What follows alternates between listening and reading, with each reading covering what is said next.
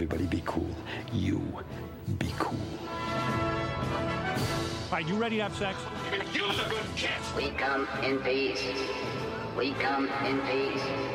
You are the motherfucking Antichrist! We're gonna let you go, okay? Ok.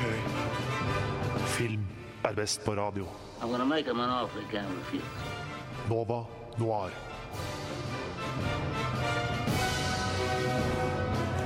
Hei, alle sammen. God morgen. I dag er det torsdag, og det betyr at mitt favorittfilmprogram Jeg håper også at det er deres favorittfilmprogram her på Rodionova, Setter i gang.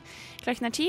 Vi skal eh, prate om film. Vi skal anmelde en hel haug med filmer i dag. Eh, blant annet A Quiet Place, The Death of Stalin, Golden Dawn Girls og Røverdatter. Så i time to så får du høre hva vi syns om de filmene. Men i time én, dere dette er noe utenom det vanlige. Nå kan dere sette dere på plass og kose dere virkelig, for i går hadde nemlig Nova Noir utesending live her nede i Glassbaren. Det var, det var kjempegøy. Kanskje litt, litt for gøy. Det, sånt må jo feires, ikke sant? Og da, da holder man på en stund. Så det var morsomt. Mm, noe redusert i dag, men helt om natten, helt om dagen, er det ikke det man sier? Dere skal heldigvis slippe å høre på meg hele sendingen, for jeg er jo alene i studio her i dag. Det er litt uvanlig. Eh, Jeg er jo som sagt Julie Oskar Andersen, men Ulrikke Svenne, pass på at jeg ikke roter det til for mye med teknikken, så alt skal nok gå bra. Vi skal straks sette i gang med å høre på hvordan det gikk på utesendingen eh, i går, men først så skal vi få høre Amber Clouds med Perhaps Tomorrow.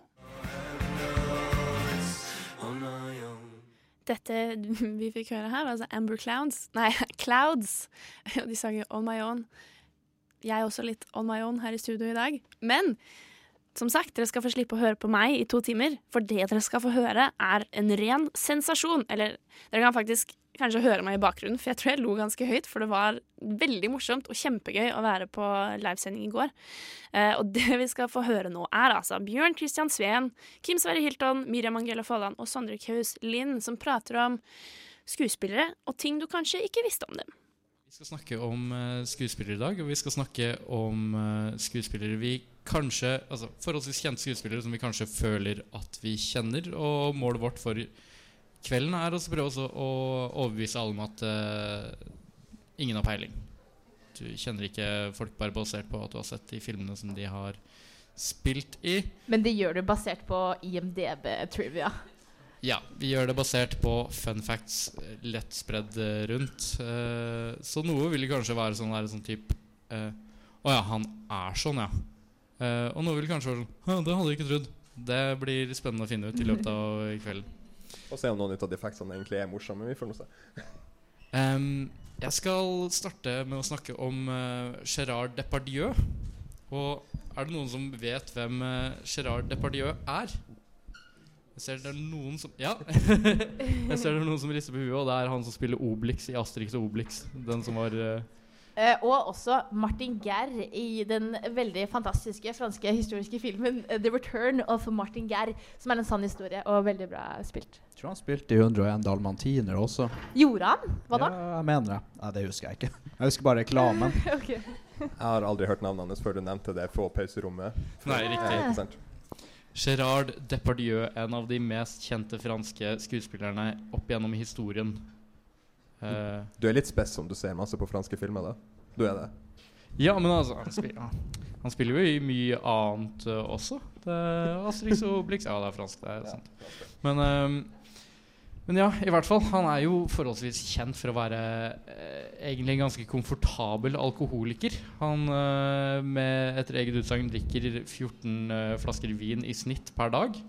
Og synes ikke det er noe stress, og sier også at han drikker disse flaskene med vin ikke fordi han er alkoholiker, men fordi at det hjelper han med Hjelper han med stresset. Han bare stresser ned.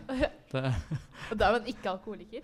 nei, han er ikke alkoholiker. Han bare, han bare har litt stress, så han drikker 14 flasker vin om dagen. Det er litt sånn at jeg tar et skudd heroin hver morgen for å bare starte dagen chill. ikke sant? Altså, hvis, det er det som, du skal, som skal til for at du skal greie å starte dagen uh, Så jeg, jeg er ikke heroinavhengig, altså, men det er bare sånn Jeg bare tar det for å stresse ned. Ikke heroinavhengig enda.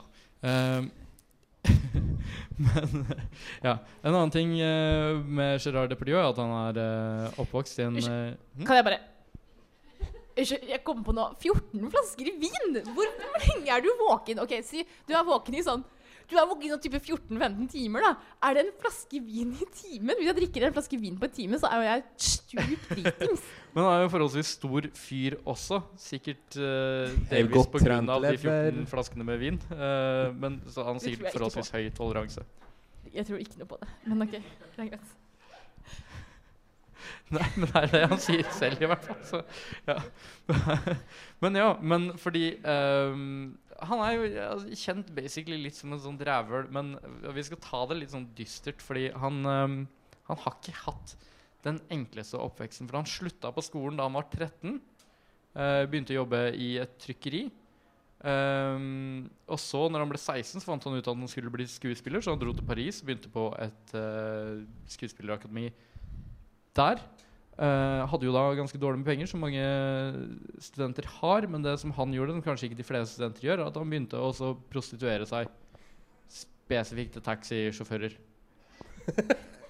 Du vet, Når det er litt grann lenge til neste studentbudsjett, liksom, nei, til studentlånet, liksom, og så bare Taxituren hjem fra byen, du, bare, du jeg kan suge deg i stedet for, liksom.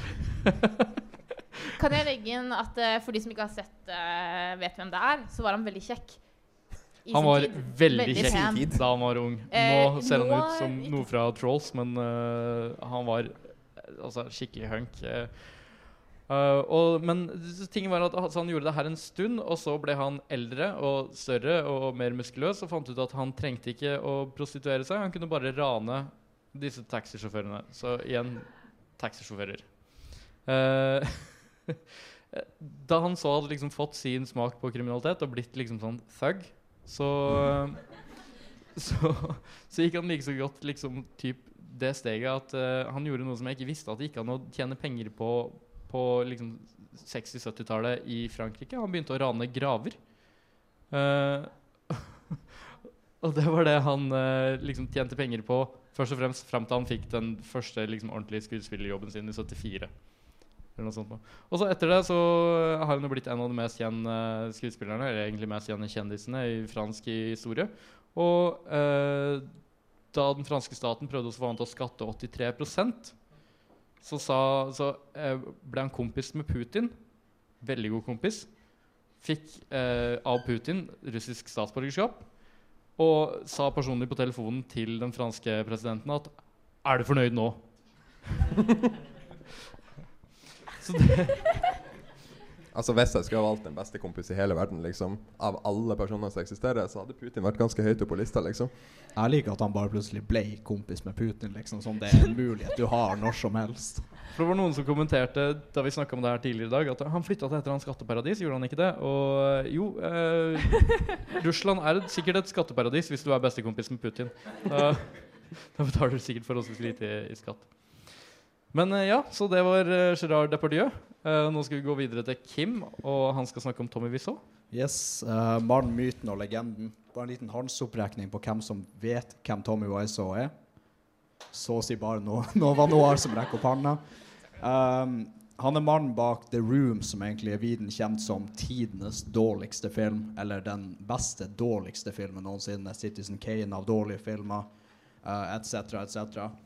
Uh, og hele mannen er egentlig bare veldig bisarr. Uh, så hvis jeg skal sette liksom scenen, da um, Så tok bestekompisen hans Greg, som er en av hovedrolleinnehaverne i The Room, uh, han skrev en bok da om erfaringene sine fra da han lagde den filmen. Um, og det begynte med at han var en ung mann uh, som prøvde å finne sin vei. ikke sant? Han så litt bra ut, tenkte kanskje han skulle bli skuespiller. Og så møter han da Tommy Wiseau, som framstår som en veldig For de som har sett Tommy Wiseau de siste årene, så Å nei, eller snakker du om han Greg? Greg, ja, Greg, Greg, egentlig. Greg ser bra ut. Tommy uh, Wiseau jeg, jeg skal ikke gjøre påstand om at Tommy uh, Wiseau er en veldig attraktiv mann. Det skal jeg ikke. Det er sikkert noen som liker det. Jeg lar det ligge opp for uh, Ja. Det er opp til den enkelte å bedømme. Men uansett, så han møter han Tommy. Eh, han syns at han er en veldig spesiell fyr, og de får egentlig ikke jobb i film, noen av dem, da, for de er ikke noe sånn særlig gode skuespillere, egentlig. Uh, og da kommer Tommy på den knallgode ideen at de skal lage sin egen film. Og finansieringa av denne filmen den kommer rett ut av hans egen lomme. Um, men det som er interessant, da, fordi jeg har egentlig ikke fun facts om Tommy, fordi det er lite facts å finne om Tommy. Han er ekstremt hemmelighetsfull når det kommer til eh, privatlivet sitt, fortida si. Så Greg, som Tommy anser som sin beste venn, uh, får aldri svar på hvor han er fra. Han får aldri svar på hvor gammel han er. Når han spør på hvor han er fra, så sier han han er fra New Orleans, selv om han har en veldig tjukk og merkelig aksent. Um, og når han spør um, hvor gammel han er Det, det, det er blitt spekulert i at Tom Wiseau er eh, like så vel fra Sør-Amerika som fra um, Øst-Europa. Og det er ingen som til dags dato, tror jeg, vet svaret på For han har sagt begge deler. Han har både sagt at han er fra Argentina og fra sånn type Ja, jeg husker ikke Tsjekkia eller et eller annet sånt noe. Uh, han, Den, led, den ledende teorien er at han er fra Polen nå, tror jeg. Oh, det det. Hvis, du hvis du går på Wikipedia-sida, så er det det står. Uh, men når, han spør, når Greg spør han da hvor gammel han er, så sier han I don't know, same age as you. Selv om han åpenbart er i hvert fall 20 år eldre enn han. Uh, noe som er litt sånn creepy. Um, men uansett, altså, han finansierte hele filmen The Room ut av egen lomme, som var oppimot 6 millioner dollar. Uh, ingen vet hvor Han han hadde, ikke, han hadde det ikke vanskelig liksom da han starta opp, liksom. Det, Nei, Men ingen det. vet hvor han har pengene fra. Han er steinrik, og ingen vet hvor han har penger fra. Hvis dere spør han sjøl, så har han solgt koreanske skinnjakker. Eh, eller så har han leid ut eiendommer som han eier rundt omkring i Amerika. Uh, men det her anser Greg sjøl som ekstremt usannsynlig. Og det er nå vi kommer tilbake til uh, uh, facts, eller heller alternative facts, som vi kaller det i 2018. eh, som er litt sånn teorier på hvor han har fått pengene sine fra. da. Og hvis dere spør cast-medlemmene i The Room, så vil de si at hele The Room-filmen var bare en utspekulert måte for han å hvitevaske pengene sine på. Sannsynligvis fra narkotikahandel eller noe av den slags. Hvis han er fra Sør-Amerika, så er det jo garra, garra kokain, liksom. Eller Polen. Hallo. Unnskyld meg. Uh, ja, og så uh, teori uh, Hva skal jeg si? Teori nummer to. Som sagt, Tommy mener at han, han har tjent pengene da på å selge skinnjakke og etc. etc. Uh, men uh, det er ingen som vet hvor han får pengene fra. Så noen på jeg lurer på om det var Reddit eller så var det en comic eller uansett, som mente at Tommy kunne være en, um, en fly-hijacker fra 1979 som heter DB Cooper, da, som uh, hijacka et fly, tok alle passasjerene som gisler og forlangte en sum som i dag tilsvarer 1,2 millioner dollar for dem. Så han slapp de passasjerene av, han tok pengene, fløy av gårde, og underveis i flygninga så hoppa han av flyet og um, stakk av med pengene. Ingen har sett han noensinne. Hvor ble det av flyet? Flyet fløy videre. Uh, han, Uten ham. Eh, altså, uh, pi piloten og alt mulig ble med han, da var det passasjerene som måtte gå av. Og selv om FBI på en måte har hatt han på wanted-lista si siden til 2016, fra 1979 til 2016 Ingen har sett mannen, ingen har funnet mannen, ingen har hørt om han noensinne. Eh, men hans høyde, alder, eller antatte alder, og eh, forkjærlighet for mørke solbriller matcher Tommy Wiseau, da. Så eh, jeg syns det er en ganske ledende teori. Jeg, jeg veit ikke helt med det her med, med alder, fordi hvis, eh, hvis DB Cooper-teorien skal stemme, så må Tommy Wiseau være sånn nærmere 70. Eh, Du har, har du hørt om Botox, liksom? Altså, ja, men, og det er jo også Se på det ansiktet. Du veit ikke, du, du vet ikke hvor gammel han er. Nei, det er ikke godt Umulig å å vite. si. Men uh, fordi uh, DB Cooper, uh, for de som ikke kjenner han så godt, er eh, The Gentleman Hijacker. Sånn typ gjennom hele prosessen ved å liksom stjele alle verdiene på det flyet og kapringa i det hele tatt. Så var han, han var upåklagelig kledd, som ikke stemmer helt med Tommy Wiseau. Eh, og veldig hyggelig mot alle på flyet. Um, og Men jeg håper samtidig at det er sant, fordi det er en fanteori ute og går på at uh, Don Draper er basert på DB Cooper. Og det er veldig gøy hvis Don Draper er basert egentlig på Tommy Wiseau Fra Mad Men. fra Mad Men. Ja. Han som er stilig kledd og uh, veldig velartikulert. Det er en fanteori som går ut på at uh, Don Draper, etter at han er ferdig liksom, i reklamebransjen, blir DB Cooper. Det her Og høres så Tommy Wiseau! Og så Tommy Wiseau. Det er litt av et liv, om ikke noe annet. Nei, men Det her høres ut som sånne greier du har funnet dypt inn i et forum når du har sittet oppe på sene kvelder. Definitivt. Ja, Mannen er et mysterium, uh, men hva jeg skal si, kultur avler jo en motkultur, så når han er så tegneserieaktig eh, beskyttende mot fortida si og historien sin, så gir det bare mening at det kommer like tegneserieaktige teorier om fortida si og historien hans. Så jeg hadde egentlig, ikke vært overraska om noe av det her stemte. Ja, det var uh, Tommy Wiseau. Um, vi skal litt tilbake til Tommy Wiseau seinere, faktisk. Men først skal vi ta Miriam. Ja. Hva er det du har? Eh, og jeg skulle introdusere det. Eh, jeg kan introdusere det. Jeg har eh, the one and only eh, Keanu Reeves. Eh, Nova vår Noir-favoritt. Liksom Nova Noirs eh, erklærte maskot. Eh, fordi han er best. Det er veldig gjennomtenkt her, som dere kan høre. Keanu er jo et, litt av et navn, eh, må jeg si. Og det betyr noe eh, bare, bare på vent litt, Miriam. Fordi vi var jo litt usikre på om folk visste både hvem Gerard Depardieu og hvem Tom Wiseau var. Så kan bare folk rekke opp en hånd hvis de vet hvem Keanu Reeves er. Keanu eh, Ja, takk. Ja, det er bra. Alle vet det. Um, eh, ja, er det no vet dere hva navnet hans betyr på hawaiiansk? Nei. Er, det, Nei. er han fra Hawaii? Han er fra eh, eller, Altså, fa eh, faren er fra Hawaii. Eller moren. En av de. Fun fact. Er det deep, deep research? Ja, jeg vet du? Nei, jeg har ikke peiling. Det Ok. betyr sikkert der Er det noen i publikum som vet? Er det ingen som vet? Da er det jo super cool eh, fun fact. Eh, det betyr 'cool breeze over the mountain'. Og føler ikke det at det passer helt sykt bra til Keanu Det er Reeves? superpassende, så egentlig. Det er så bra! Wow. Men er han fra Hawaii? Jeg trodde han var fra Canada. Er han fra Canada? OK. Keanu Reeves har canadisk pass. Eh, men han har green card i USA. Fordi han jobber ofte i Hollywood. Som filmstjerner ofte som gjør. kanskje kunne tenke dere.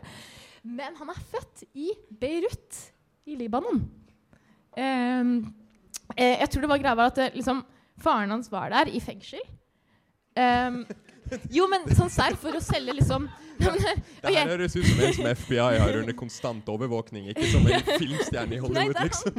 Eh, faren hans var i fengsel i Beirut fordi han solgte heroin. Moren hans var en eller annen sånn eh, kostymedesigner for Alice Cooper eller noe. Det, det er sant. Uh, ifølge IMDb Trivia. um, og uh, de møttes i Beirut uh, og ble sammen og fikk Keanu. Takk for det. Eh, jeg vet ikke hva mer Jo, jeg har mye mer å si. Jeg vet ikke hvorfor jeg sa det. Eh, jeg ble litt nervøs. Slutten på historien. Eh, mange er kanskje kjent med memet Sad Keanu. Fra et, eh, jeg tror det kom fra et intervju han hadde en gang, eh, hvor eh, han var veldig sad. Og så Jeg trodde det var bare et paparazzi-bilde. N- Jo, det er både det der paparazzi-bildet hvor han sitter på en sånn Ja. krakk og er trist, men det er også et sånt intervju hvor han også er veldig trist. Og greia er at han har hatt et ganske hardt liv. Vet dere det? Han ser jo generelt ut som en trist mann, da. Ja, han gjør det. Og det er Hvor, fordi hvor mange han har filmer har det sett han smiler i? Liksom? Nei, han, men er det, vet dere det? Nei. Okay. Nei. Fordi fact number one, som jeg kanskje syns er uh, den mest, en av de mest interessante, da, er at han uh, Bestevennen hans døde da han var ganske ung. 23 typ. Og bestevennen hans var River Phoenix. Fy faen, det visste jeg egentlig. Lillebroren til Joaquin Phoenix. Som han møtte eh, i sin første film, tror jeg det var, 'Parenthood'. Og de spilte også i 'Love You to Death' sammen. Og så spilte de i My Own Private Idaho, som er, hvis dere ikke har sett den, helt fantastisk film, basert på Henry IV, Fourth, Shakespeare-skuespillet. eh, basert, løst basert på. Hvor de spiller eh, sånn eh, mannlige prostituerte, prostituerte i. Nesten. Ja, men jeg tenkte på det da du sa det. Det er veldig gøy. Eh, hvor han og Joaquin, nei, ikke Joaquin, men River Phoenix, lillebroren til Joaquin, spiller da Og de driver med noe drugs og sånn. Og under innspillingene så blir eh, River Phoenix veldig avhengig av narkotika. Tar overdose på uh, The Vapor Room, som er klubben til Johnny Depp. Og liksom sånn Ja, veldig traumatisk, tror jeg. Og, ja, de, og de, var veld, de hadde veldig nært forhold og veldig gode venner. Det er ikke en fun fact, det er en sad fact. Eh, Depression facts with medium. og ikke nok med det. Noen år etter, eh, eller jeg vet ikke hvor mange år etter, det kan være ti. det var, Vi vet jo ikke hvor gammel Keanu Reeves er uansett, for han har jo sett like gammel ut siden Matrix. liksom. ikke, sant? ikke sant? Men han hadde også et stillborn child med sin kjæreste. Unnskyld at denne blåser så mye. Jeg vet ikke helt. Eh, og den samme kjæresten døde bare 18 måneder senere. Ja. Sad fact. Så- Sad fact. Da hadde de akkurat separert seg, hadde de ikke det? De hadde separert seg pga. Eller Men det var mest sånn, de hadde fordi se- vært separert i sånn to måneder når hun døde. I var- et car crash. Veldig Ja. sånn dramatisk. Faen, Sondre, du kan ikke le av det! Ja, ja, For at det var litt tragikomisk, rett og slett. Dette er jo helt forferdelig. Så Eh, trist at det blir morsomt. Men OK. eh, jo. eh, ja. ehm, jo. Han var eh, daglig leder for en pastabutikk. Sånn on the flip side, liksom. Etter det? Etter du har fått litt dødfødte kids, kona di har daua, bare starte opp i pastasjappa, liksom. Det er liksom midtlivskrise, ikke sant? Ja, men nei, Han har mange eh, talenter. jeg vet ikke om det var før eller etter, men han gjorde i hvert fall det. Antakeligvis før. Jeg antar. Eh, men eh, det jeg vil ende med, er at folk sier kanskje at Keanu Reeves litt sånn, har litt lite range. Men da vil jeg si det er ikke sant. Fordi i 1991, på samme år, kom han ut med både Point Break, eh, tidenes actiondrama eh, Men veldig bra. Eh, og My Own Private Idaho, tidligere nevnt. Shakespearean-inspirert og uh, veldig sånn indie-film, Uh, Criterion Collection-type film. Og komikerklassikeren Bill and Ted's Excellent Adventure. På ett og samme år! Hallo! Eh, ja, så jeg vil bare slutte med å si det. At Det kommer en Bill and Ted oppfølger nå, gjør det ikke det? jeg tror det kommer en Bill og Ted 3 sånn i 2018. Ja. Det, det nikkes fra andre Novo Noir-medlemmer eh, her. Så det, med Keanu. med Keanu. Med Keanu så, Med Keanu. Wow. Men fordi hvis, Er det noen her som har sett Bill and, Ted, Ted, Bill and Teds eh, Adventure-filmene? To uh, stykker i hele det her rommet. Blant hundrevis av publikummere. Det er basically dum og dummere. Uh, men altså, se for deg Keanu Reeves i den rollen som, uh, Som dum eller Jim dummere? Carrey har i Dum og dummere. Der har du ca. den typen som han spiller i de filmene. Så voksen Keanu post uh, Post uh, Hva er det den filmen heter der han er leiemorder? John, John Wick. Wick. Voksen Keanu post John Wick som en sånn dum og dummere-karakter. Det gleder Bare jeg liksom meg til. å- stoned da, da. Prøv å si at han ikke har range da, da. Ja, prøv å si det. Ja, det er veldig godt. Eh, anbefaler Bill og Ted til alle. Jeg kan ikke tro at det bare er én i publikum som har sett den. Krise. Ja. Det er en klassiker. OK, da var jeg ferdig. Han liker også ballroom dancing. Eh, det må jeg En mann av mange talenter, rett og slett. Ja. Og motorsykler. Han veldig glad i motorsykler. også. Men jo, fordi du nevnte at han uh, har basically ikke endra utseende på sånn 20 år, uh, Sondre. Og, men tingen er jo at uh, han har jo ikke endra utseende på veldig mye lenger enn det. For det finnes jo sånn, uh, sånn Civil War-fotografi. Ikke fotografi, da, men maleri. Det finnes Av- sånn der fra renessansen òg, liksom, som folk som ligner Vlad, sykt eller noe sånn. sånn, sånn eh, Vlad. Ja. Så hva, du mener er Vlad, the- Vlad the Impaler? Er det du Ja, tenker på? at han ligner på han også. Så han er egentlig vampyr. Så neste gang du higer etter udødelighet, se på noen sånne sad Keanu-memes. Og så forestill deg at det der blir deg etter sånn 300-400 år. Eh, Jeg føler at han har personligheter til en som har levd i 300-400 år, kanskje. har det, altså. Virker som en vis mann. Som Han igjen gjør gjør eh, Ja, altså se det, den, den reklamen uh, for uh, Coca-Cola. Hæ? Coca-Cola. Coca-Cola. Det er en sånn Coca-Cola-reklame hvor Keanu Reeves er liksom en sånn syklist i sånn Tour de France eller noe. Og så er han bare sånn Yeah! Og så kommer han fram, og så kommer faren med liksom en Coca-Cola. Og så er han sånn Wow, a Coke. Ja, jeg venter den eh, Squarespace Superbowl-reklamen som kom i fjor, fordi den anbefaler alle å sjekke ut. Den er skikkelig morsom. Men uh, da tar vi en uh, pause på sånn uh, syv minutter uh, cirka. Eh, fem til syv minutter. Kommer an på Med hvor lang tid folk innslag. Med musikalsk innslag i mellomtiden. Kommer litt an på hvor lang tid det tar folk som vil ha øl, å kjøpe en øl. Og så vil jeg også si at hvis det er noen andre som har noen fun facts som de kunne tenke seg å ta opp sjøl, eller at vi tar opp for dem, så må de gjerne komme bort til oss i pausen og så tipse oss om det. Da kan det være hvilken som helst skuespiller eller noen vi har snakka om før, etc. OK, da blir det pause. And the brandy don't let me finish can now be heard. Okay. In the- I'm not fucking finished in the back of the voice and the voice now.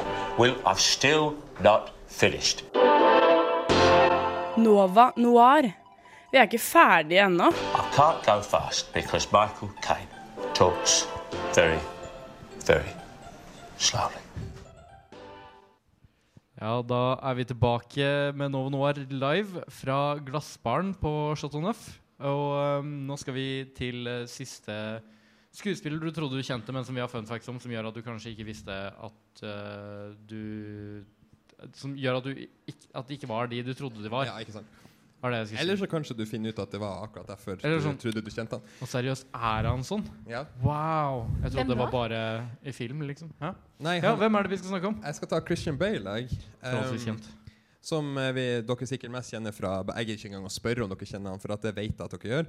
Um, Håndsopprekning? Kjenner ja, dere alle, ja, Kødd med meg. Um, uansett, da. Jeg bare starter der på, for at det er jo sånn Han virker jo ofte som en ganske sånn seriøs skuespiller, men han vokste jo opp med en litt sånn ja, spesig familie. Sånn, Mora hans var en sirkusartist. Eh, omreisende sirkusartist.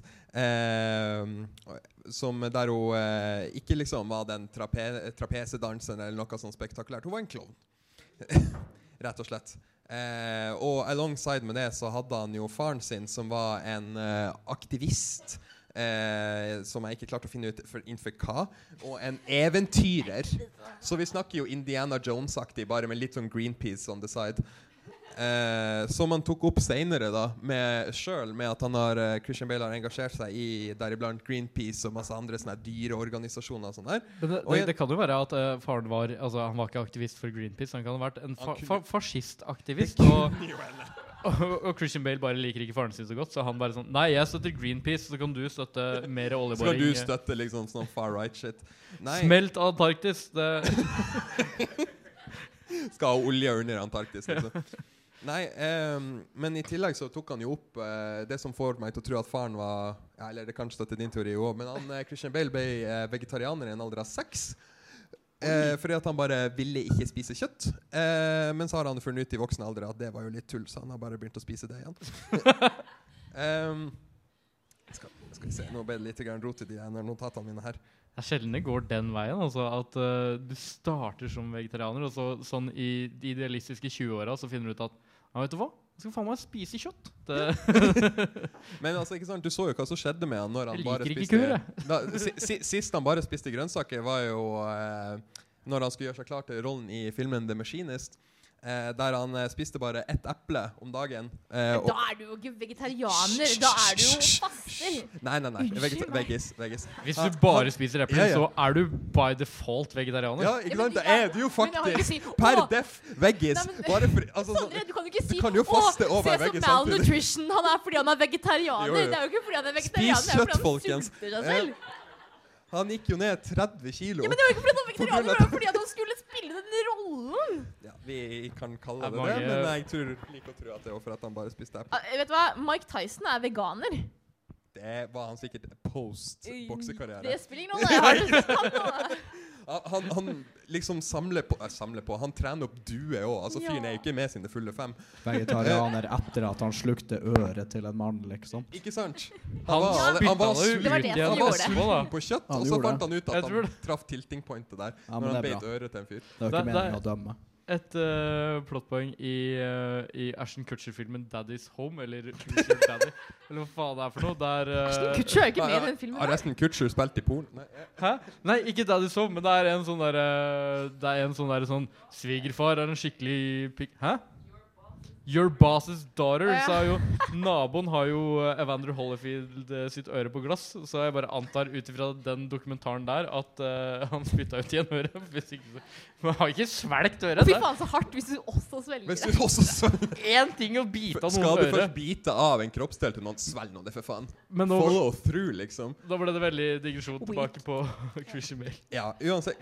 Christian Bale han har jo, altså sånn, Vi kjenner han jo fra liksom, American Psycho, sånn, kanskje der vi så han først. Men han skulle jo egentlig ha spilt eh, eh, rollen som Robin eh, i- Batman og Robin. Eh, men han takka nei til rollen i siste liten, eh, ifølge denne sida, selv om den ikke er veldig troverdig. Um, fakta. jo, jo. Ikke Det, troverdig. ja, du, altså, vi er lever i 2018, som han sa. Det er liksom alternative facts. Alternative liksom, fakta, ikke sant? er Dere kan tro på om dere vil, men det kan hende det er fake. Er lov å spekulere litt. Jeg har ikke sagt at jeg står her og preacher truth. Um, men også liksom sånn eh, roller han skulle slash kunne ha tatt. Han ble tilbudt rollen som å spille Will Turner i Pirates of the Caribbean. Eh, og være motparten til Johnny Depp. Men uh, det tok han også nei til. Fordi at han jeg vet ikke, har litt selvrespekt og ikke bare vil være piece of meat Du, on the screen. nei, eh, unnskyld, men Pirates of the Caribbean var jo kjempebra, den første filmen. Det syns du bare fordi at du crusha på Orlando Bloom. Jeg crusha på Johnny Depp, excuse you. Gjorde du Men det? Gjorde du det? ja, 100 Liker du, liker du litt sånn alkoholiserte, litt sånn fomlende menn i 40-årene som ikke har kontroll på Ja. livet sitt?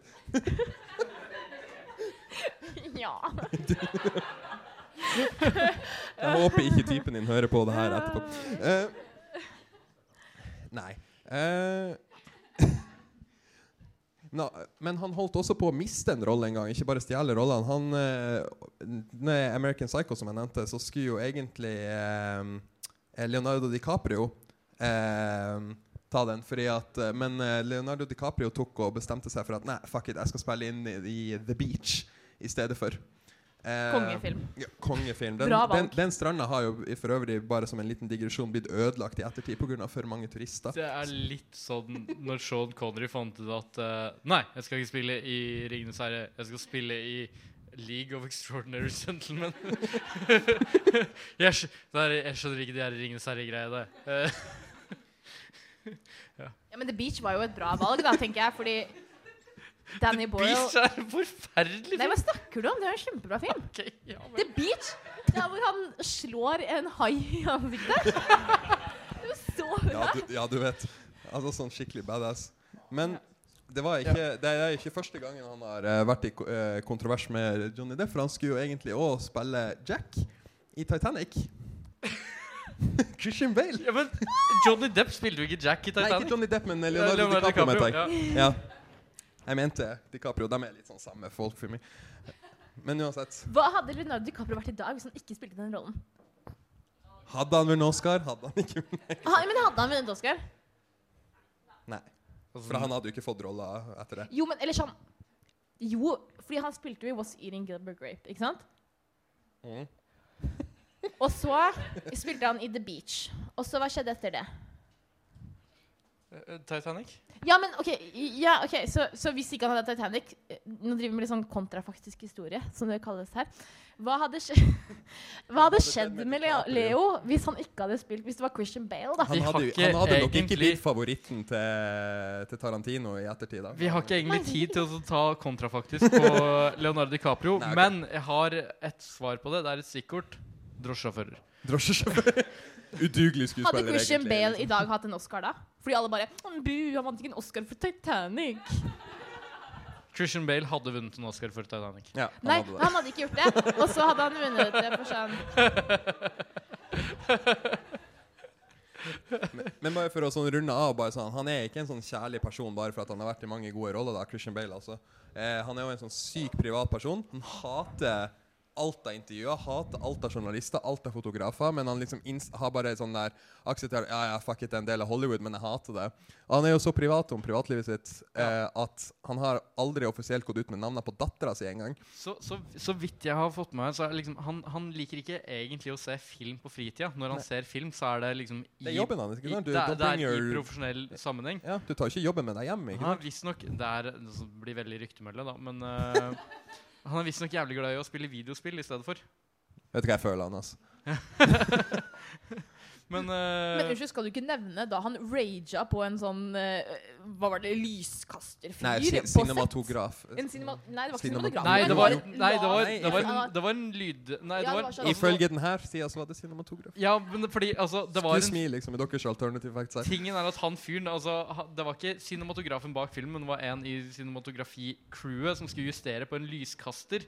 Og så fant han Altså mens de spilte inn scenen, så fant han der fyren der ut at ah, det lyset er fortsatt ikke bra. Så han gikk tvers gjennom scenen for å fikse det lyset. Og da klikka det for Christian Bale. Men Christian Bale, eh, etter eget utsagn, altså nå, Det ble jo Christian Bale sitt eh, sin versjon av saken. Og det er alltid to sider. av. Ja. Eh, hadde et veldig godt forhold egentlig til de der crew-folka, og klikka sånn delvis på kødd. Nei, nei! Unnskyld. Har dere hørt For å det klippet? underholde de uh, nei, andre nei. Det er det, jeg bruker Har du bare å slå det til folk på kødd òg, liksom. Det- Det klippet er så real, ass. Han er Ja. så jævlig pissete. Han er jo en Veldig Tror du ikke han- klarer å fake og være og rage? Men er det noe siste greier på Christian Bale? Nei, det var egentlig det som var avrundinga mi. Det var det Han spilte en gang i en liten musikal da han var yngre, som heter Newsies. Hvor han var en veldig søt sånn eh, gategutt. Ja, så han har jo vært eh, Altså, han har jo vært basically Og hvis du hører Christian Bale snakker om det, han har vært basically pimpa ut siden han var uh, Den første rollen hans var faktisk i en uh, tøymykner-reklame. Ja. Så så dere kan, dere kan starte hvor enn dere vil, altså å bli uh, Batman. På en eller annen måte så greide Christian Bale å få rollen En av liksom rollene i Mio min Mio, den svenske filmen. Og han spiller fyren, men han er dubba over. Hvordan får du til det når du er sånn ni år gammel? Da har du faen meg talent, da. Og så er det Empire of the Sun, som også er en fantastisk film. Livet hans høres ut som en ekstremt dårlig skrevet roman, egentlig. Ikke sant? Ikke sant? Som et barn har skrevet det. Ja. Mamma var klovn, og pappa var Så uansett, til tross for Og så eh, ble jeg skuespiller.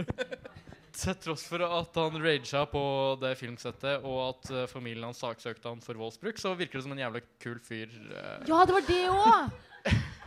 Ja, men nå er vi ferdig med det. sånn Nå, nå, skal, vi ha, nå skal vi ha en liten sånn Vi paneldeltakerne skal ha en uh, liten konkurranse.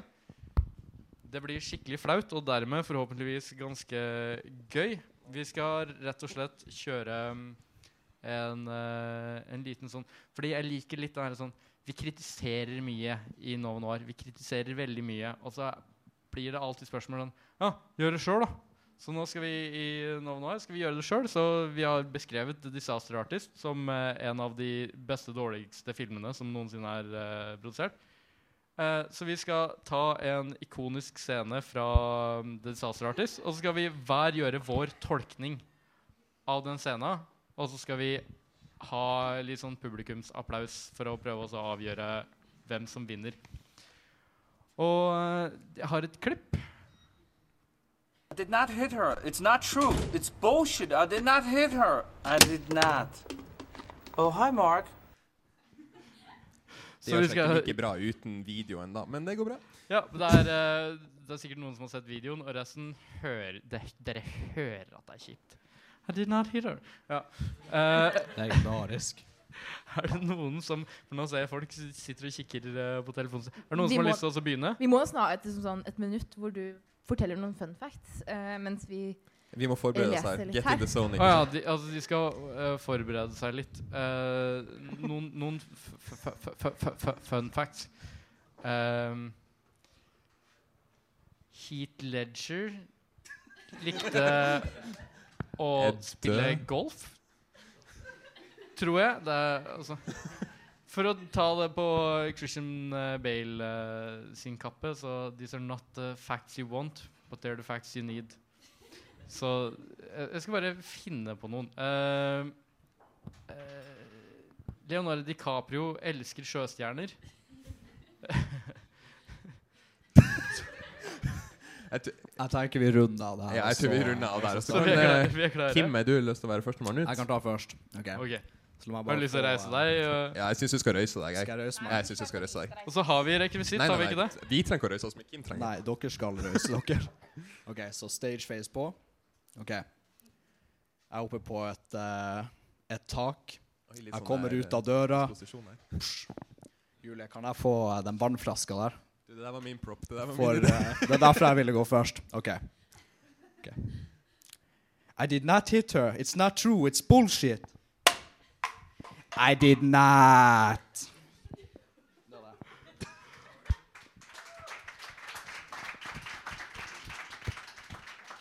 Fantastisk. Og så Miriam. Man, man kan ta sin egen eh, Ta din egen vri på det hvis du vil. Ja. Litt jigaloos her nå. Like, I did not hit her. Like, it's not true. It's bullshit. Like, I did not hit her. I did not. Oh, hi, Mark.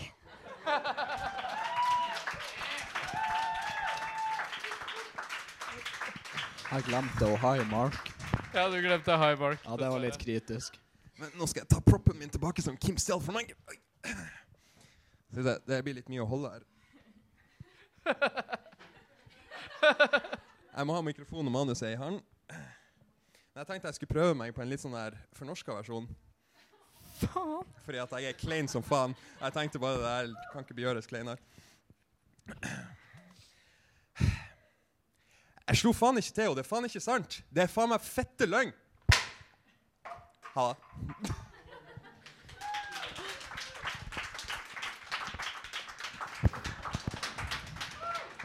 Eh, jeg hadde egentlig òg tenkt å ta det på norsk, men uh, da, da får jeg Her stjeler vi ideene til hverandre, vet du.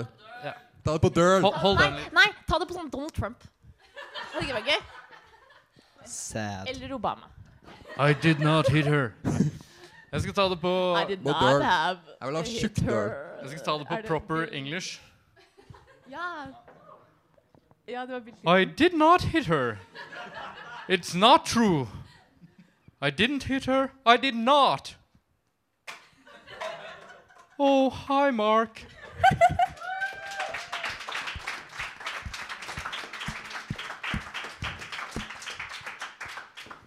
Det ble litt vanskelig å avgjøre Nei, jeg syns ikke det. Jeg, Hvem var det? jeg tror det ble veldig Veldig girl Miriam. OK, Miriam vant, men uh, Det er ingen eh, premie på henne, da. Jeg trenger også å vite hvem som tapte. Jeg tror det var meg. Tror du det? Ja. Det var deg. Å, det var veldig. For da tar vi. Det var en av oss. taperen ut i, på gulvet. Vi glemte, vi glemte begge high mark. Da, Ja, vi gjorde det. Så det. det, Jeg sa det er litt halla, da. kritisk. Du sa halla. Jeg sa halla. Fint. Eh, Jeg tror nei, nei, men da tar vi, vi driter i det. Og så tar vi uh, Miriam. Gå ut på gulvet. Og så vil jeg at alle skal peke på Miriam og juble. Veldig bra. Det var Thank you premien din. guys very much. Like, this has always been my dream. Det var, det var premien din, Miriam. Dine 15 seconds of fame. Yes. Er det noen som har noe avsluttende ord? Noe de brenner inne med som de ikke fikk sagt, sagt tidligere? Eller noe sånt noe? Jo, eh, OK, om Keanu Reeves, da. Eh, jeg ekskludererte å si det at han liksom bare gir masse penger til alle hele tiden. Men så, sånn for real. Det er sant, det har jeg hørt! Det er helt sant. Han gir sånn masse penger til charities, og han ga sånn 90% av sin egen salary for The Replacements for at Gene Hackman skulle få være med på den filmen. Og i The Matrix 2 og 3 så ga han sånn mange millioner til liksom sånn crew, sånn eh, costume og eh, makeup, og alle han følte fortjente det. Fordi han syntes det var dårlig gjort at de ikke fikk godt nok betalt. eh, rett og slett. Men en annen ting, fordi jeg hørte også en sånn der historie for ikke så lenge siden, at eh, det var basically en fyr som møtte han tilfeldig på en parkeringsplass.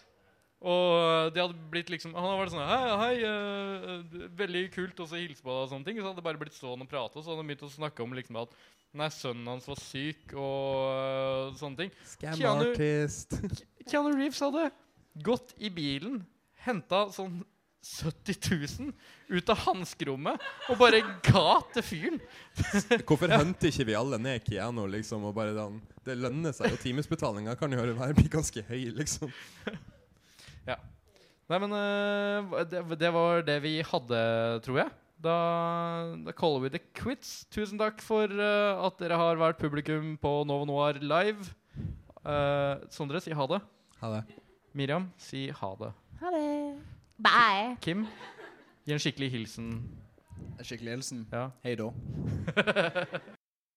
Det, det var altså en god, full, vakker time som eh, foregikk her i går i Glassbaren på Chateau Neuf. Det var altså Bjørn Christian Sveen, eh, Sondre Kauslin, Sverre, nei, Kim Sverre Hilton og Miriam Angela Folland som hadde den eh, utsendingen. Og jeg som lo høyt i bakgrunnen og hoia litt. Men eh, jeg eh, er ikke alene i studio lenger. Eller jeg var jo egentlig aldri alene. Ulrika har passet veldig godt på meg. Men nå kom altså Ina Sletten. Hei. Hallo. Eh, og du og jeg, Ina, eh, vi pratet jo litt om eh, filmer som vi skal anmelde tidligere i uka. Og nå skal vi få høre på det om et lite øyeblikk. Men først så kommer Dina og synger 'Imaginary Friends' før vi setter i gang. Her var altså Dina som synger 'Imaginary Friends'. Eh, og Ina Sletten har holder meg med selskap her i studio sammen med meg og Ulrikke Svenne, som passer på teknikken. Vi er altså Nova Noir. Du har fått høre en helt fantastisk time eh, av vår utesending fra i går kveld. Og du hører kanskje på meg at jeg syns det var veldig gøy. og som sagt, sånn skal feires. Så det er bra Ina kom, som er litt mindre redusert i dag. Så dere bare trenger å Ikke at du skal legge, om det, legge det ansvaret på meg. Ja, men nå er det gjort. Så Nå er vi altså beveger oss eh, inn i time to, og dette blir altså anmelderbonanza-timen, om man kan kalle det noe. Vi skal anmelde A Quiet Place, The Death of Stalin, Golden Dawn Girls og Røverdatter. Så det her blir eh, intenst. Så hold deg fast. Den første filmen vi skal anmelde, er A Quiet Place.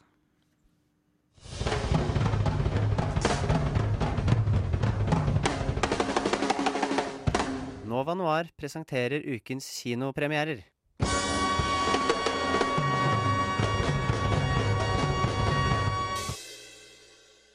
Jeg har altså vært på kino i eh, og jeg så The Quiet Place, nei, A Quiet Place, som handler om en familie i en postapokalyptisk verden som må gjøre alt de kan for å overleve. For hele konseptet da, i denne filmen er at all lyd tiltrekker seg ganske fæle monstre, så man må være helt stille.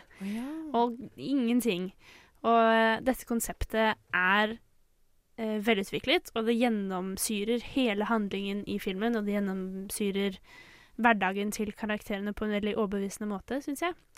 Dette er jo altså John Krasinski som har laget, eh, og fikk med seg konen sin, Emily Blunt. Og de er gift på ekte, og så spiller de gift, og det var eh, deres kjemi på lerretet var eh, veldig overbevisende.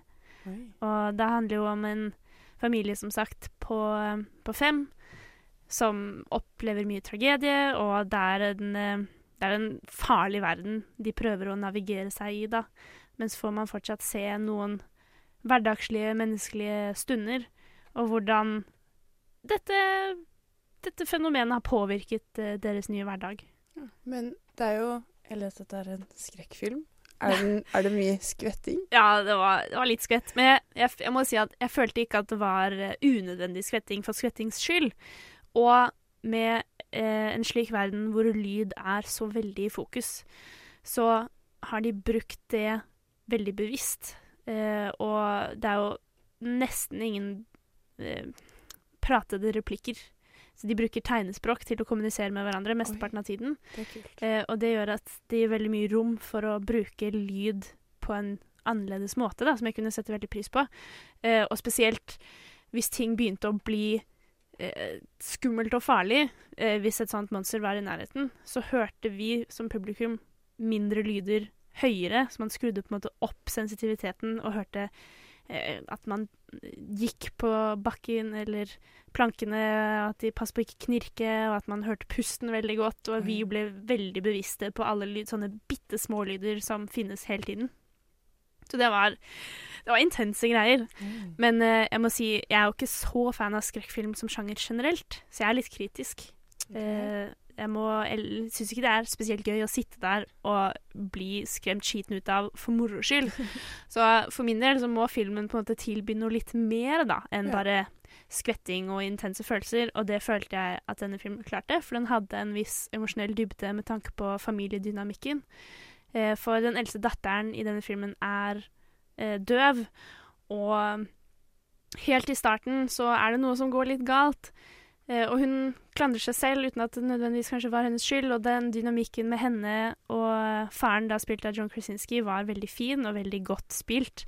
eh, og ga et veldig fint grunnlag og et nytt level da, til eh, filmen.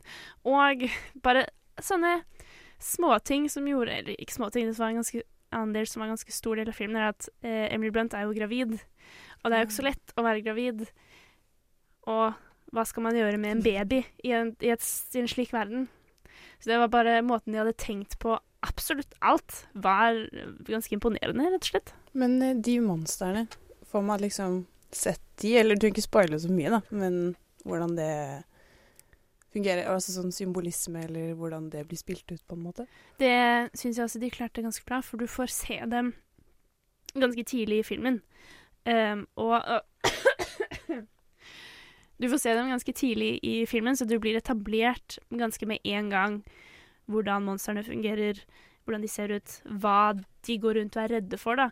Så de brukte ikke det som et ekstra spenningsmoment, for det følte jeg ikke at de trengte. Nei. At det holdt med dette lydelementet, da, for å skape intensitet til de grader. Herregud, jeg var eh, Jeg svetta en del, ass. Det var, det var riktig type skummelt. Yeah. Eh, sånn type berettiget. Og fordi du virkelig føler med karakterene på skjermen. Eh, og de to barneskuespillerne som gjorde mesteparten av jobben, eh, eller i hvert fall ikke mesteparten, men en stor del eh, av filmen, klarte seg kjempebra, og det var overbevisende. Men det, jeg tror kanskje det hjelper da at de ikke har eh, snakkende replikker. For jeg vil at det kanskje feller eh, Ja. ganske ofte. Men her så var det jo som sagt veldig lite prating, så det, de klarte seg veldig godt. da. Kanskje de hadde klart seg godt ellers hvis det var en jeg vet ikke, snakkefilm i tillegg, men eh, de gjorde det bra i hvert fall. Så eh, alt i alt så ble jeg kjempefascinert av universet John Krasinski har klart å skape. Jeg ble veldig imponert over lydbildet av filmen, for det er jo kjempeviktig når du har lagt et slik premiss. Og jeg ble imponert over eh, karakterenes relasjon til hverandre, og hvordan det kom til uttrykk. Så jeg, jeg Til å være en skrekkfilm, så koste jeg meg. Koste meg. Det er jo ikke hyggelig å se på, men jeg ble, jeg ble rørt til tider, og jeg ble stressa på deres vegne, så jeg vil si at filmen har virkelig klart å gjøre det den hadde satt ut for å gjøre. Så alt i alt så er jeg veldig fornøyd. Jeg syns det er en skrekkfilm litt utenom det vanlige, Eh, så jeg vil gi det en åtte av ti. Uh, Ja. Spennende. Så jeg vil si, er du ikke så fan av skrekkfilm, så kan du like den allikevel, for den hadde visse elementer som passet generelt. Ja. Ja. Så den anbefaler jeg å se.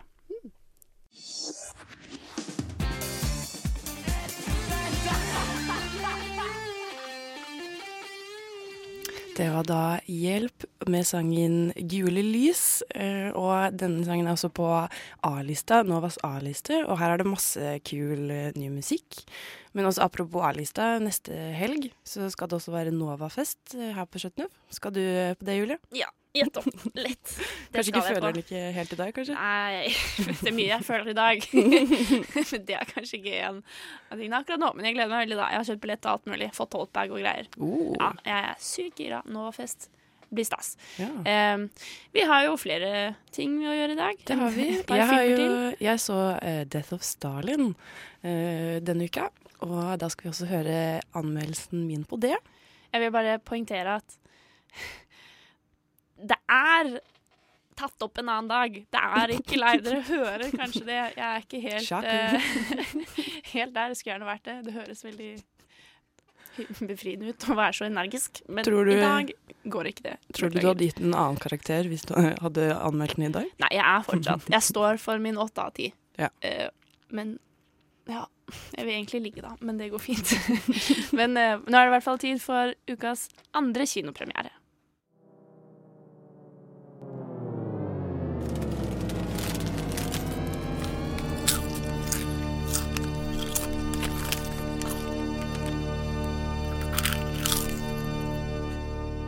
Ukas kinopremierer.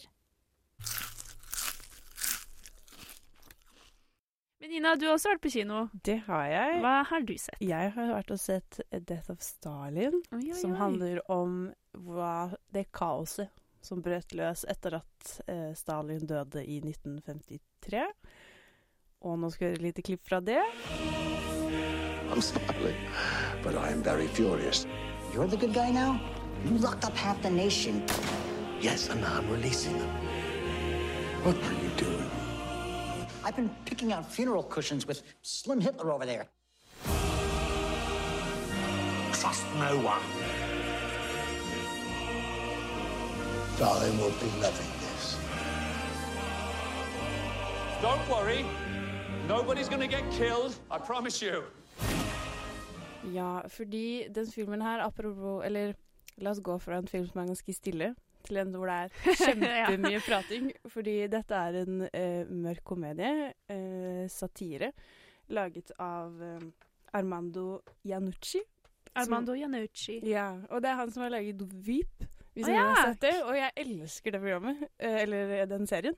Så, og det er også veldig sånn mørk, litt sånn grov eh, komedie med politiske undertoner. Det handler jo om eh, det å være visepresident. Og denne filmen, da, eh, det er Først så har du Stalin, du får se de siste timene av livet hans, og så dør han da veldig plutselig av sånn hjerneblødning. Eh, og så går det liksom Etter det så får du se hvordan komiteen hans da slåss for å komme til makten. Hvem blir den nye Ikke sant? sjefen? Fordi du tror jo egentlig at de, Han har jo en som er eh, på en måte stedfortreder, som eh, spilles av Jeffrey Ta eh, Tambor fra eh, Transparent, eller Arrested Development. Ah, Arrested Development. Ja. Eh, og han spiller litt sånn, litt sånn svak, litt sånn lett eh, å overtale fyr, da. Eh, så da blir de andre litt som, som har litt små mindre roller i komiteen, prøver å liksom lure han da, og få han på sitt lag. Og det er et utrolig sterkt rollegalleri. Det er jo Steve Buscemi som spiller liksom førstesekretær. Eh, og så har du Og jeg elsker jo Steve Ja, hvem er det som ikke elsker? Uh, Altså, ikke sånn Ghost Ja. World, eh, Mystery Train Altså alt sammen. Og så har du da Adrian McLaughlin. Lothlin? Lothlin. Lothlin. Som spiller Precis. Ikke sant? Jeg, var sånn, jeg, hadde, jeg følte jeg hadde hørt navnet hans før, men han har bare spilt litt sånn obskure serier her og der. Så dette var jo litt gøy for han. Og så er det liksom sånn antagonisten i filmen da er eh, Simon Russell Beale, som spiller eh, Berja Beri, Beria? Altså, masse russiske navn. Vet ikke hvordan jeg uttaler de. Jeg beklager. Men jeg syns er liksom sjefen da, for det hemmelige politiet i Sovjetunionen. Men det er en komedie, det Ja, det er For det. det var det jeg fikk inntrykk av av eh, Generelt fått inntrykk av, men det høres jo litt seriøst ut. Det er det. det er veldig, og det er det som er så rart, fordi det er utrolig mørke temaer. Og for eksempel sånn når en av de første scenene er etter at Stalin har dødd, så er det De skal egentlig tilkalle en lege, men så kan de ikke tilkalle lege fordi Stalin drepte alle legene. Fordi de liksom Han mente Han var overbevist om at de planla å forgifte han. Ja. Så de er, det er veldig mørke ting, og det er, sånn, det er masse kill-list, og folk blir torturert og voldtatt. Og, men så har de utrolig mye sånn skarpe, morsomme og groteske kommentarer. Og det er litt sånn Jeg vet ikke om du så Downfall, den eh, om Hitler. Nei, er, også ikke sett, men er det, føler du at det er litt samme Jeg har heller ikke sett den, men jeg har lest mye om den, og det er altså sånn en, et satirisk synspunkt på uh, det regimet, da. Så det er jo bare Det er det som har blitt litt sånn i etterkant av filmen, da. Litt snakk om hvor greit er det egentlig å gjøre narr av eller lage komedie av, av Sovjetunionen. Jeg eh, lurer jo på om de lager sånne filmer om Amerika. Typ Ja. sånn Å, ha-ha, JFK ble skutt. Komedie. Hva, sånn, hva gjør vi nå? Det hadde tatt seg ut. Ja, for det er det. Det er jo bare de snakker, Alle snakker eh, engelsk eller amerikansk. Det var en ting jeg ble litt irritert over, fordi de, de bytter på å snakke Noen snakker britisk, og noen snakker amerikansk, og så litt skotsk og sånn, så jeg ble litt sånn Kan dere bestemme dere for et språk, på en måte? En aksent. Men hadde, prøvde alle å ha russisk aksent, eller var det bare Nei, Nei. ikke noe sånt. Nei, det pleier ofte å bli litt påtatt, jf. Red Sparrow. Red Sparrow. Uh, ja. Men eh, bortsett fra det, da. Men så lo du? Syns du det var morsomt å se på? Jeg koste meg veldig mye. Uh, jeg syns det ble Altså, hvis du tar bort Altså, det er veldig mye sånne ting du blir ukomfortabel av. Som hva da, tenker du på? Altså, det er mye Hva skal man si de tuller jo litt Eller sånn kommer De mennene her, da, er jo utrolig maktgale og har liksom blitt vant til å kunne gjøre akkurat hva de vil, kan behandle kvinner på helt forferdelige måter. Og du ser aldri at de tingene blir gjort, men de snakker om det på en veldig sånn nedlatende eller sånn Og hun er skikkelig flink til å syge kuk eller sånne ting, da, fordi hun har måttet bli tvunget til å gjøre det. Sånne ting, Så det, det syns jeg var veldig ukomfortabelt. Eh, annet enn det så er det bare det at de liksom er skikkelig frekke med hverandre. Og det er bare Hvis man liksom klarer å se det på det, det standpunktet, da, eller sånn ta det litt eh, utover seg, så tenker jeg da kan den være veldig morsom. Men den er ikke for sarte sjeler. Nei. Det er den, Den, absolutt eh, ikke. Nei, jeg skjønner. Det er ikke alle som syns den hadde vært morsom, kanskje? Det tror jeg ikke. Og jeg tror faktisk at For jeg tenkte først at kanskje du må være litt interessert i krigshistorie, da, for å, eller Sovjetunionen, eh, russisk historie, for å like den. Men jeg tror faktisk jeg koste meg mer fordi jeg ikke visste så mye om det. Fordi jeg prøvde å lese litt om etterpå at den, om den var liksom riktig, da, historisk sett. Og det er nok ganske mye den er, filmen er basert friheter. Ja, mye friheter. Den er basert på en tegneserie. En fransk oh, ja. tegneserie. Eh, og det men da gir det mening at den er litt krass. Ja. For fransk humor er ofte litt, eh, litt angripende, føler Ja. Så, det gir men, eh, så det er mye friheter her, tror jeg. Og litt mye Den går veldig fort. Du får ikke pustepauser. Det går rett på hele tiden. Og når du først Det går, tar mye fortere tid da, i filmen enn det tror jeg gjorde i virkeligheten.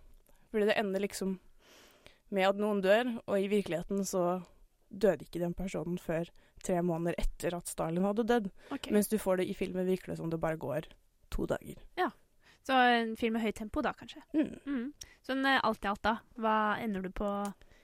Jeg syns den var morsom, og jeg syns det var kjempesterke skuespillere. Alle leverte utrolig gode skuespillerprestasjoner. Den ble litt for fort noen ganger, men jeg tenker at hvis det er eh, Hvis du tåler den type humor, og du har sett ting av eh, Janucci før, så eh, da vet du hva du går til. Så jeg gir den en eh, ganske god syv av ti. Ja. Mm. En syv av ti. Til eh, Death of Stalin.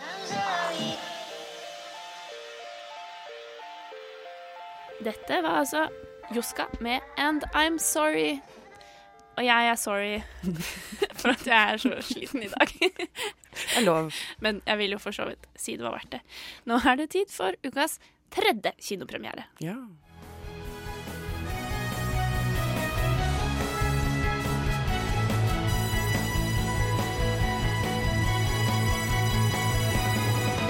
Nova Noir presenterer ukas kinopremierer.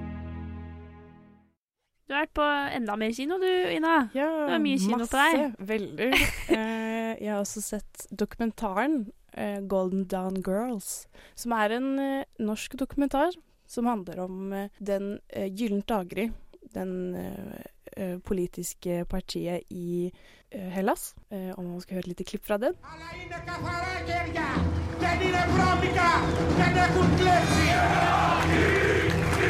Ja! Sorry, when, when you say a neo-Nazi, do you know what exactly does it mean? It means nationalist. Όταν ήταν οι Γερμανοί So, στην listen to me. Ελλάδα. This is the last time we talk about the past. Okay, we don't uh, need to take volume each time you come. No, I'm telling you, it's the last time we talk about the past. That's it. Det som er poenget, da, eller eh, vinklingen i Golden Dawn Girls, er eh, da damene bak eh, partiet. Og fordi det styres hovedsakelig av menn, noe som er ganske vanlig i sånne fascistiske eller neonazistiske organisasjoner, der kvinner blir ganske sett litt ned på og satt i bakgrunnen. Men når da alle mennene er i fengsel, så er det ikke så mye man kan gjøre. ikke sant? Å ja, ok. Fordi du følger hovedsakelig tre damer. Eh, en som er datteren til lederen i, av Gyllent daggry. En som har, er kona til en, et annet medlem. Og en som er moren. Så du får litt sånn forskjellige perspektiver på det. da. Flere generasjoner. Ja. Ja. Noe som er så kult, eh, at de har fått det til. At eh, det er liksom at Norge har fått tilgang på å komme veldig nære. De får jo bli med inn i lokalene, og de får liksom bli med på møter og sånn. Og du legger jo merke til at de synes det er veldig ukomfortabelt, de i gruppa, eller i partiet. For er At, nok at nordmennene var der ja, og eller at filmet. kameraene var der og fulgte med på dem. For jeg tror de er ganske vant til at de blir jo veldig angrepet i media. Oi, så rart. Ja, Hmm. hmm, Lurer på hvorfor. Det er merkelig at folk er litt imot deg når du er antisemittisk.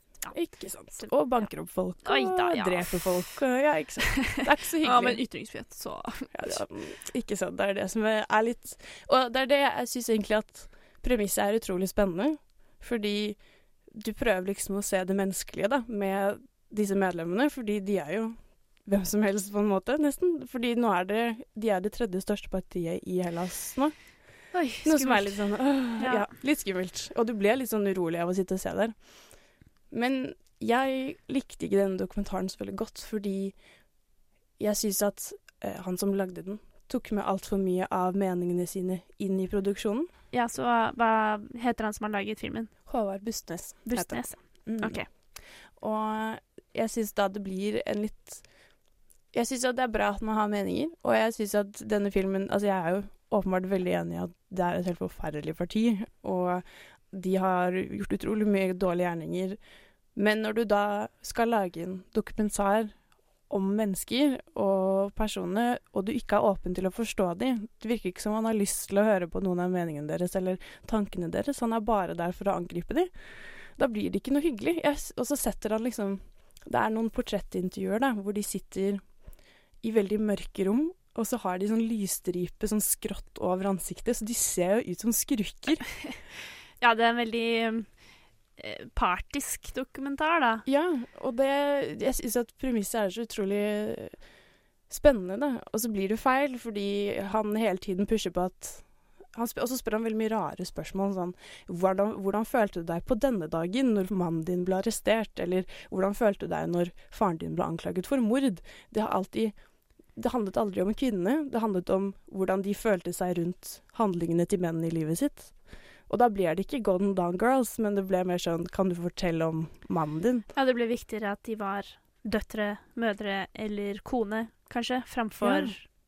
kvinne eller menneske. Ikke sant? Det er liksom den rollen de hadde i relasjon til de mennene i partiet, da. Ja. Det virket jo på meg som om det var en veldig spennende vinkling, som du sier, og en spennende tematikk. Eh, og det er jo interessant med tanke på hvordan ofte slike grupper bruker kvinner som unnskyldning, eh, i hvert fall til å hate på eh, muslimer og islam fordi de undertrykker kvinner så mye, og da vi skal beskytte våre kvinner fra innvandring. Og så er det litt sånn Men har du sett deg selv i speilet, Ikke sant. Eh, men litt leit at den dokumentaren kanskje ikke helt klarte å innfri, da. Nei, eller jeg syns bare de mistet en veldig stor mulighet da, til å se hvem disse menneskene er. Og det ble jeg liksom litt irritert over gjennom hele filmen, så da klarte jeg liksom ikke nyte det. Den er veldig sånn informativ om hva Gyllent daggry har gjort. At de har blitt beskyldt for å drepe en rapper, f.eks., som var antifascistisk. Eh, og at de har gått rundt i bo, typ, sånn, på gata og spurt om folks papirer, og om de er lovlige eh, immigranter og sånne ting. Da. At de er, og at de liksom har banket opp folk på eh, live TV og sånne ting. Da. Så de er jo Hvis du vil lære mye om Gyllent daggry, så burde man absolutt se den, men det, du får ikke det tittelen sier, Golden Dawn Girls. Du får ikke de i like stor grad som jeg hadde håpet på, i hvert fall. Nei, så litt leit, da. Men hvis du må gi den en karakter, da, hva hadde du gitt den da? Jeg må nesten gi den fire av ti. Fire av ti? Ja. Ja. litt uh, Nei, jeg vet ikke. Innfridde ikke helt uh, forventningene. Nei, det gjorde den dessverre ikke. Det var leit, da. Men fire uh, av ti til Golden Dawn Girls, altså. Mm.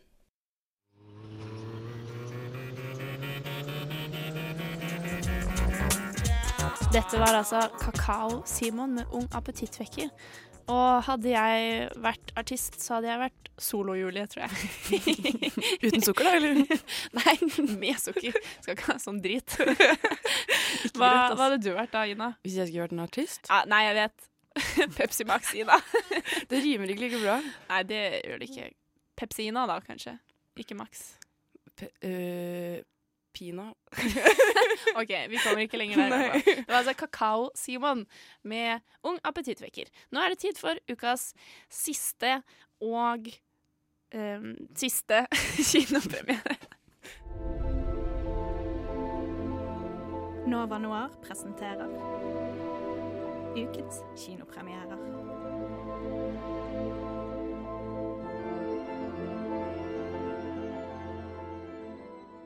Dag har jeg og Tone vært og sett på Røverdatter. Yes. Og det er en dokumentarfilm som går på kino. Det er første gang jeg har sett dokumentarfilm på kino.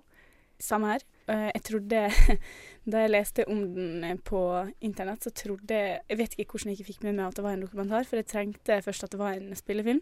Men jeg leste jo bare litt om den, da. Men eh, det var Ja, det var kult å se dokumentar på kino. Dokumentar på kino var annerledes enn det jeg trodde det ville være. Fordi når du sitter og ser på dokumentar hjemme, så sitter du kanskje der og bare mm, mm, ja, skjønner, liksom. Men jeg fikk veldig inntrykk av at andre folk i salen oppfattet filmen på en helt annen måte enn det jeg gjorde. Og jeg tror at Mm. hvis jeg hadde sett den hjemme, så tror jeg jeg hadde vært ti ganger mer ukomfortabel. Nei, jeg er en av dem du snakker om som du tror du fikk et annet inntrykk enn, tror jeg. For jeg syns Altså, jeg merka Jeg var en av de som lo mest. For det er en veldig morsom film. Det, har Altså, det er jo en skikkelig trist og vanskelig, vanskelig situasjon der denne unge jenta vil prøve å hjelpe faren sin, og ja, som er narkoman. Og hun prøver så godt hun kan å få han til å ja, ta seg sammen, på en måte, da, og klare det. Men eh, det, det er veldig vanskelig, fordi han er ikke Han er ikke motivert nok til å slutte å ruse seg. Som liten så skjøt jeg og pappa med pil og bue. Vi lekte også hjem ølflaska, sjekka bartenderen og løp fra taxiregningen. Og disse typer lekene eskalerte til jeg og mamma måtte flykte for livet. Og jeg har følt på et behov for å hjelpe han, og se om han kanskje kan bli som en far igjen. Eh, og, men allikevel så klipper de med alle slags Altså alle morsomme øyeblikk så de får med. Tror jeg de bare stappa inn i filmen, for jeg syns det var så mye morsomt der, og jeg lo massevis. Jeg tror Jeg har også sett en dokumentarfilm om uh, rusmisbruk og de som sitter i misbruket, av eh, dokumentarskaperen Louis Rocks. Og jeg tenker Forskjellen på hans sin framstilling var at her var det kun fokusert på de som sleit med stoffene, mens her var det fokusert på de som er i familie med rusmisbrukerne. Man merker Mm. spesielt at mammaen til denne jenta er ikke noe involvert i at pappaen skal bli noe bedre. Dette er noe hun står i helt selv. Mm. Og det må jo være veldig vanskelig for henne å være den eneste. Hun føler sikkert at hun er den eneste som faktisk har lyst til at pappaen skal få hjelp. Mm. Og det slår deg jo veldig Mm. hardt. Kanskje ufølsomt, men jeg, jeg greier å Altså, jeg har litt vanskelighet med å se hvordan hun kan være så utrolig fast bestemt på å hjelpe han, når han absolutt ikke vil hjelpe seg sjøl. Men det er jo bare utrolig imponerende at hun klarer mm. å fortsette, uansett hvor Uansett hvor liten innsats han gjør sjøl, så er hun veldig sta, og det er ja, Mm. imponerende. Det er et punkt på filmen hvor hun eh, prøver å si at men du trenger hjelp. Du må ha hjelp. Nå har jeg skaffet alt som skal skaffes. Du skal på rehab. Og så dukker han ikke opp. Og så må hun løpe rundt og lete etter han, og det ender opp i en veldig hetet diskusjon. Ja, en uh, opp, hva, Det er en krangel, altså. Det er en veldig høylytt krangel. Og det var en veldig ekte krangel. Veldig. Det er liksom, Når du ser folk krangle i film, så virker det veldig planlagt, og det virker liksom Alle vet Mm. hva de skal si, Mm. men her så vet de jo ikke hva de står Nei. De sier øh, mm, Ja, og det er veldig mye De sier altså De sier mye dumt som de tar seg i etterpå. Og han sier jo 'Nei, det er jeg ferdig med.' Og så sier hun 'Å ja, er du ferdig med det?' Og så sier han 'Nei, det blir jeg aldri ferdig med'. Ikke sant? Så det er Mm. liksom De går rundt hverandre, og hun sier ting, hun også, selv om hun ikke er dopa, så sier hun også ting som på en måte ikke gir helt mening. Og man skjønner frustrasjonen, da, for det, det ligger jo så mye slit bak. Ja. En annen ting som vi snakket om på vei tilbake, var effektene som denne filmen bruker. De bruker to ting som kanskje irriterte oss litt, da. Det ene var at de brukte veldig mye flimring. Veldig mye. Med når de drev og kuttet i scenene. Ja, veldig sånn eh, Nå skal vi være Nå skal vi vise at eh, vi kan å klippe film og ta, legge på litt kule effekter, på en måte. Og jeg syns det ble veldig mye. Fordi dette her er historie. Du trenger ikke å drive og du putte på masse effekter og dramatisk musikk og sånn skummel musikk. Man trenger ikke det, for historia er bra nok i seg sjøl. Jeg fikk litt også epilepsi-vibes av enkelt av liksom beslutningene de hadde tatt på hvordan det skulle se ut. Mm. Jeg ble litt sliten i hodet, må jeg innrømme. Jeg måtte lukke øynene mine av og til, fordi hodet mitt var ikke helt klar for å få så mange sterke lys mot meg. Og jeg tenker at filmen hadde sett veldig bra ut, selv om de Eller om de hadde valgt å ta det vekk også. Ja, litt reinere klipp, Mm. litt mindre lysflimring og For meg var det det med sånn skrekkfilmmusikk. Sånn, når man går og venter på en jumpscare i en skrekkfilm, da ligger det alltid litt sånn dramatisk, skummel musikk under. Og det la de på ganske mange ganger i den dokumentaren her, og jeg syns at det er overdrivelse. Fordi altså, det er en historie som er Altså, det er jo helt krise at han at han lever sånn som han gjør, og at han ikke tar imot den hjelpa som hun prøver og prøver og prøver å gi han, og at det er helt sant. Vi vet at det er ekte. Det er ikke vits i å prøve å overdramatisere det. Mm. En ting som gjorde meg litt irritert, eller ikke irritert, men som jeg ble litt skuffet av, var at gjennom denne film, eller i denne filmen så sier datteren på et punkt at pappa er ikke skummel. Jeg er ikke redd for pappaen min, og hvis du blir redd for pappaen min, eller om du blir redd i det hele tatt, så blir situasjonen farligere. Og det var etter at hun sa det, at jeg begynte å stusse litt på hvorfor de hadde valgt å legge på sånn musikk hvor du forventer at pappaen skal slå inn, slå i en vegg, liksom, og bli kjemperasende. Altså, han blir jo sint. Men jeg så jo for meg at nå har det klikka så mye at nå slår han til noen. Ja, men jeg tror de prøver vel å understreke alvoret i den situasjonen med narkotikaen og det. Jeg tror det er det de heller vil prøve å få fram med den skumle musikken. Den gjorde kanskje situasjonen litt mindre virkelig også. Ja, ja, det er det. Da får man litt den der spillefilm-viben, selv om man selvfølgelig var veldig aware at det her var bevisst på, som det heter på norsk, eh, bevisst på at det var en dokumentar og ikke en spillefilm. Men samtidig så traff denne filmen veldig godt for meg og Tone, fordi vi begge begynte å grine. Ja. Tone grein litt mer enn meg. Jeg klarte å holde meg. det er første gang på veldig lenge. Har du lyst til å si hva du begynte å grine av?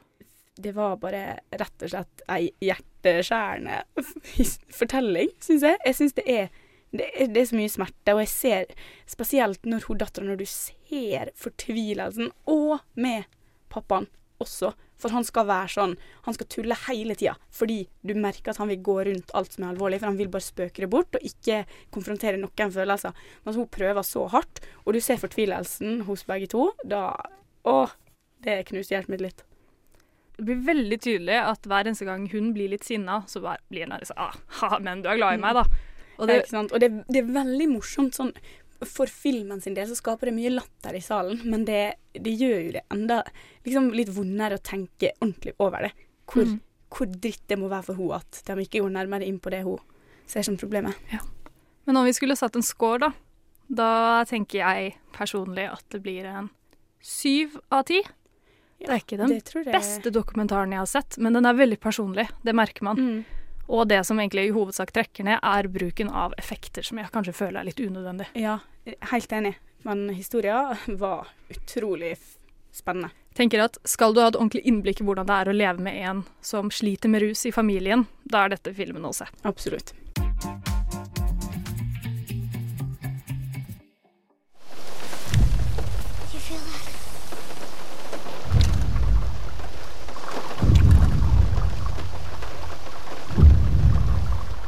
Nova Noir. Det merkes på tyngden. Det var altså Tone Hafsås og Hanna Aune som anmeldte 'Røverdatter' og ga den syv av ti. Mhm. Så en bedre dokumentar enn 'Golden Dawn Girls', da, i hvert fall. Ina. Eh, ja, det håper jeg virkelig, da. Eh, og rett før det, eller ikke før det, men nå, for litt siden, med en gang, i den veldig umiddelbare fortid, så fikk vi høre Rudolfs Container med en sang som jeg følte gjenspeiler noe jeg tenker på ofte, og den heter nemlig 'Where Is My Shoe'. Where's My Shoe? Det Føler er en uh, stadig kamp. Eh, I dag har vært en sending litt utenom det vanlige. Vi hadde Hele Time igjen var jo utesendingen i går, og det var jo Nesten hele Noir har vært med på den sendingen her, sånn alt i alt. Ja. det var Bjørn Christian Sveen, Kim Sverre Hilton, Miriam Angela Folland og Sondre Kaus Lind som hadde den utsendingen som du fikk høre snakke om skuespillere som alles favoritt Keanu Reeves, Tommy Wiseau, Christian Bale, Christian Bale og han, Han- franske Ja. Gérard Depardieu. Ja, det var veldig gøy. Vi har også anmeldt en haug med filmer i dag. Både A Quiet Place 8 av 10, Death of Stalin 7 av 10, Golden Dawn Girls 4 av 10, mens Røverdatter fikk også 7 av ti. Mm. Så kanskje se Røverdatter over Golden Dawn Girls, men definitivt få med deg The Quiet Place. Ja, og Death of Stalin. Definitivt. Og Death of, Death of Stalin. Ja, moro. Jeg, eh, mitt navn er Julie Karina Skrandersen. Ina Sletten har vært her i studio. Ulrikke Svenne passer på teknikken. Nova Noir er tilbake neste uke.